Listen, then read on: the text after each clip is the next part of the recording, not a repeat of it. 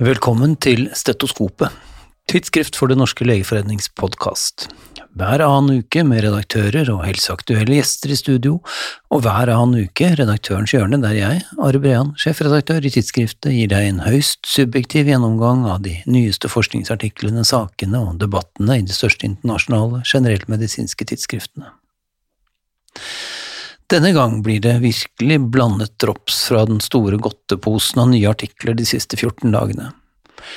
Vi begynner i PLOS Medisin, der en artikkel publisert 6. desember har sett på sammenhengen mellom de såkalte bremsemedisinene mot demens, vil si memantin og acetylkolinesterasehemmere, og dødeligheten ved levi-lege med demens. Bakgrunnen for studien er at pasienter med levelege med demens generelt har høyere sykdomsbyrde, målt i form av flere sykehusinnleggelser, høyere omsorgsbehov og tidligere død, enn pasienter med Alzheimers demens har. Og det er uklart hvorvidt legemidlene mot demens kan være med på å begrense dødeligheten og antall sykehusinnleggelser hos disse pasientene med levelege med demens. Studien er en retrospektiv kohortstudie der 592 pasienter med levelege med demens deltok.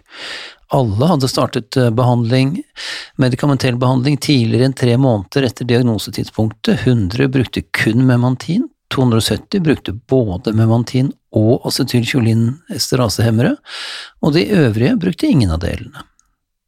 Pasientene ble, ble fulgt i rundt 1000 dager i gjennomsnitt etter kontroll for ulike gruppespesifikke karakteristika.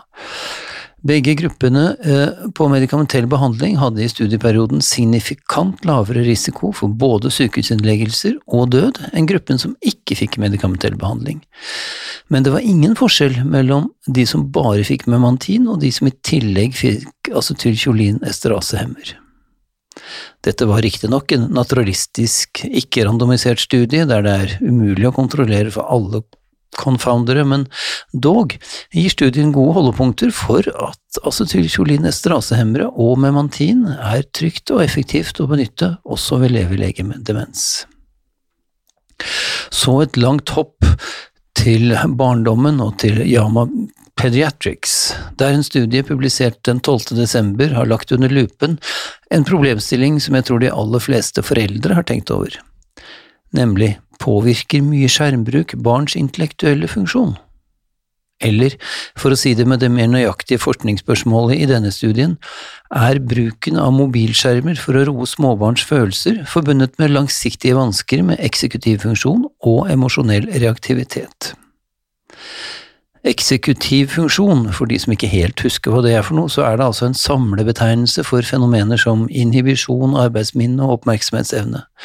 Eksekutiv funksjon sammen med emosjonell reaktivitet har i tidligere studier vist å være viktigere for senere skoleprestasjoner enn intelligensnivå er. Så dette er altså svært viktige funksjoner i en menneskehjerne. I denne studien ble 442 barn mellom tre og fem års alder fulgt fra studiestart. For 366 av dem forelå det data helt til siste oppfølging seks måneder etter studiestart. Nevropsykologiske tester ble administrert ved studiestart samt etter tre og seks måneder, og omfanget av bruk av mobilskjerm for å roe barnet følelsesmessig ble monitorert med selvutfyllingsskjemaer i regi av foreldrene. Det var en signifikant sammenheng mellom bruk av mobilskjerm for å roe barna og dårligere score på de to utfallsmålene ved studieslutt. Studien har en del svakheter, selvsagt, kanskje først og fremst knyttet til datakvaliteten ved selvrapportert mobilbruk, og også knyttet til eventuelle spuriøse sammenhenger som generelt emosjonelt klima i familien etc. Dette siste er pussig nok ikke diskutert av studieforfatterne. Men uansett, å finne andre strategier for å utvikle småbarns egen emosjonsregulering enn å gi dem en mobilskjerm hver gang de trenger å roe seg, det er nok lurt. Vi hopper videre, denne gangen til Yama Health Forum, der en studie har studert sammenhengen mellom legalisering av cannabis og alkoholbruk. I USA har nemlig cannabisbruken nesten doblet seg de siste ti årene, og en populær forestilling er at alkohol Bruken i et område vil avta når cannabis blir legalisert, men er det virkelig slik? Studiematerialet her besto av 4,2 millioner voksne amerikanske innbyggere i til sammen 50 ulike stater, som alle besvarte et spørreskjema i årene 2010 til 2019.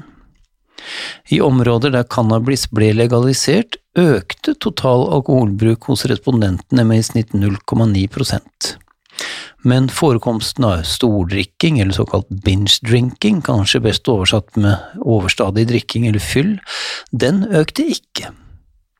Økningen i alkoholbruk i stater der cannabis ble legalisert, foregikk først og fremst i aldersgruppen 18 til 24 år, og aller mest blant menn.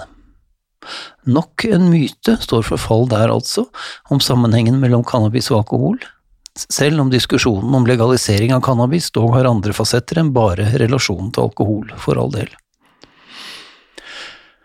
Og siden vi først snakker om ting vi inntar gjennom munnen, i Annals of Internal Medicine ble det 13. desember publisert en randomisert kontrollert studie med formål å undersøke hvorvidt en lavkarbo høyfettdiett kan være en mulig behandlingsstrategi ved diabetes type 2 og non-alkoholiske fettlever. 165 danske voksne pasienter med type 2-diabetes ble randomisert til enten en høykarbo-lavfettdiett eller en lavkarbo-høyfettdiett, ingen av delene med kalorirestriksjon eller med mål om vekttap. Intervensjonen varte i seks måneder, og deltakerne ble fulgt i til sammen ni måneder. Pasientene på lavkarbodietten hadde ved intervensjonsslutt bedre HBANC og mer vekttap enn høykarbopasientene. Ingen av gruppene hadde imidlertid signifikant effekt på fettlevertilstanden, og ingen av gruppeforskjellene holdt seg i de tre månedene etter intervensjonsslutt. Vi er ikke imponert, som det heter, og det var ikke studieforfatterne heller. Andre intervensjoner enn lavkarbodiett er nok mer klinisk og klinisk nyttig å forfølge videre for denne pasientgruppen. Vi skal over til nok en Yama-studie, denne gangen fra tidsskriftet Yama Network Open, og her også skal det handle om ting vi inntar gjennom munnen. Jeppe, som de fleste vil kjenne fra litteraturen, han drikker som kjent tungt, selv om ingen vet hvorfor. Men hvordan er det med leger? Drikker de også problematiske mengder med alkohol, og i så fall, hvilke leger er det som drikker for mye? Det forsøker denne systematiske oversiktsartikkelen å svare på.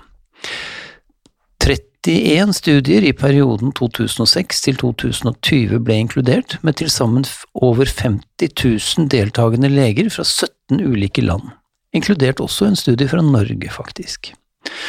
Alkoholbruken var i hovedsak selvrapportert i studiene. Problematisk alkoholforbruk eh, var ganske vidt definert som overstadig drikking, alkoholmisbruk, alkoholavhengighet og høyere alkoholbruk enn guidelines for trygt alkoholbruk tilsier. Etter denne vide definisjonen var forekomsten av problematisk alkoholbruk i gjennomsnitt 16,3% i 2006, økende til 26,8% i perioden 2017 til 2020. Disse tallene kan synes urovekkende høye, selvsagt, men det er verdt å merke seg at forekomsten varierte betydelig mellom studiene.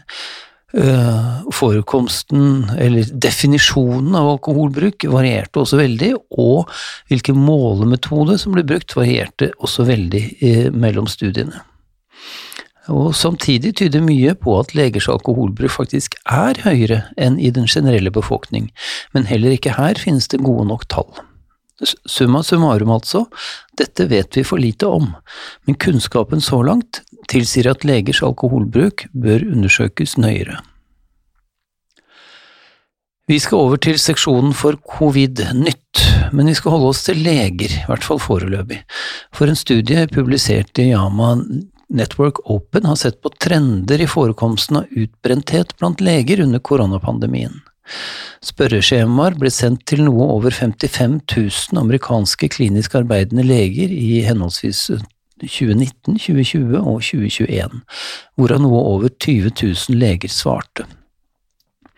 Forekomsten av selvrapportert følelse av utbrenthet, altså ikke den kliniske diagnosen, eh, den økte gjennom pandemitiden fra 45% i 2019 til 60% sent i 2021. Og ønsket om å slutte i yrket økte fra 30 34 av legene i 2019 til over 40% i 2021, i jevn takt med at jobbtilfredsheten falt gjennom pandemien. Spesielt interessant er det kanskje at følelsen av utbrenthet var assosiert med lav grad av teamwork og lav følelse av kontroll over arbeidet, mens følelsen av å bli verdsatt for arbeidet var assosiert med lavere grad av utbrenthet. Disse faktorene, altså kaos på arbeid, grad av samarbeid og følelse av å bli verdsatt, bør monitoreres, foreslår forfatterne. Dette for bedre å beskytte klinisk arbeidende leger. Amen, kan vi vel bare si til det. Mer pandemistoff. Myoperikarditt er en rapportert kjent følgetilstand etter vaksinasjon med mRNA-vaksiner mot koronasykdom hos ungdom og unge voksne. Problemet er at fenomenet, eller bivirkningen, nesten utelukkende er kjent fra ganske små kasusserier og ulike passive rapporteringssystemer, mens større materialer over forekomst er sjelden så langt. Det er derfor behov for å finne ut mer både om forekomst, klinisk bilde og ikke minst utkomme hos denne pasientgruppen. En systematisk oversiktsartikkel og metaanalyse i Yama Pediatrics har satt seg fore å finne ut av dette. 23 studier med til sammen 850 pasienter med vaksineindusert myoperikarditt mellom 12 og 20 års alder ble inkludert. 90% av pasientene var menn, og de fleste av dem fikk tilstanden etter vaksinedose to. Rett over 15 hadde venstre ventrikkeldysfunksjon, men hos bare noe over 1% var denne dysfunksjonen alvorlig, med lavere ejeksjonsfraksjon enn 35 noe over 20% av pasientene trengte intensivbehandling, men gjennomsnittlig innleggelsestid på sykehus var bare 2,8 dager, med et 90% konfidensintervall på 2,1 til 3,5 dager. Ingen av pasientene døde under sykehusinnleggelse. Det ser altså ut til å være lav forekomst av myoperikarditt etter mRNA-vaksine mot eh, korona, det store antallet vaksinerte tatt i betraktning, og tidlig prognose ser altså ut til å være svært god. Men langtidsresultatene de får vi nok vente lenger på. Vi skal over til British Medical Journal, der en større featureartikkel denne uken minner oss nok en gang på de store globale konsekvensene av koronapandemien. Minst 10,5 millioner barn i verden er til nå blitt foreldreløse etter å ha tapt sine foreldre til viruset. Langt de fleste av disse, selvsagt, eh, er i fattige land og, og i regioner i, i, verden, og i høyinntektslandene er det dessverre like selvsagt de etniske minoritetene som er rammet hardest. Få land har uh, skikkelige systemer for å fange opp disse barna. Det av de hardest rammede landene som har kommet lengst, ser ut til å være Brasil, som har innført en avkrysningsboks på alle dødsmeldinger, der legen må krysse av for om avdøde etterlater seg mindreårige barn.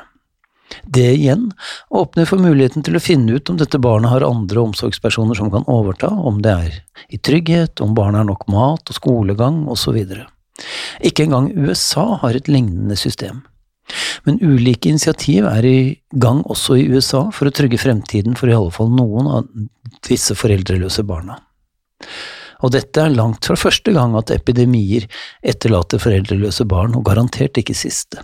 Det pågående ebolautbruddet i Uganda er nok et eksempel, og for mange land i verden haster det nå å få på plass systemer som kan sikre slike barn en god fremtid. Vi skal holde oss i England. Kanskje til trøst for de av oss som frykter at det går mot krise i det norske helsevesenet. Look to England, kan vi si da, for der går det nok en gang mot en winter of discontent, for å låne et uttrykk fra både Shakespeare og fra tidligere kriser i NHS. Ikke nok med at en lang rekke helsearbeidergrupper truer med omfattende førjulsstreik av håpløse arbeidsforhold. Allerede før slike streiker er det nå krise på sykehusene, nok en gang. Mer enn 11 000 pasienter per uke eh, som blir brakt til britiske sykehus med ambulanse, må nå vente i ambulansen i over én time før de slipper inn på de overfylte sykehusene, melder British Medical Journal. Det utgjør nå omtrent én av syv akuttinnleggelser på britiske sykehus, som altså må vente en time før de i det hele tatt slipper inn på sykehuset.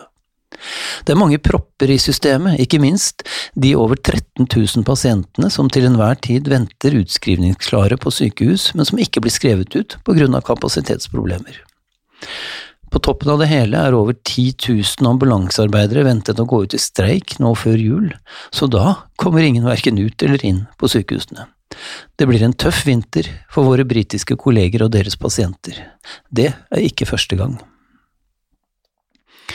Og tidsskriftet Nature skriver 2. desember om initiativet tatt av STM Integrity Hub, der noe over 20 ulike akademiske utgivere, blant andre eh, British Medical Association og Elsevier, er med. Initiativet skal oppdage forskningsjuks og avsløre papirmøller ved å samle teknologi, kunnskap og data på tvers av vitenskapelige tidsskrifter, utgivere og forlag. Slik kan billedmanipulering, duplikat publisering og juks lettere avsløres. Målet er å ta igjen det hestehodet som vitenskapens kriminelle gjenger alltid har ligget foran tidsskriftene og publiseringshusene. Her i Norge har magasinet Forskningsetikk ganske nylig skrevet om det samme, og initiativet trengs virkelig, slik vi også har skrevet om i vårt eget tidsskrift tidligere. Og det var alt vi rakk denne gang.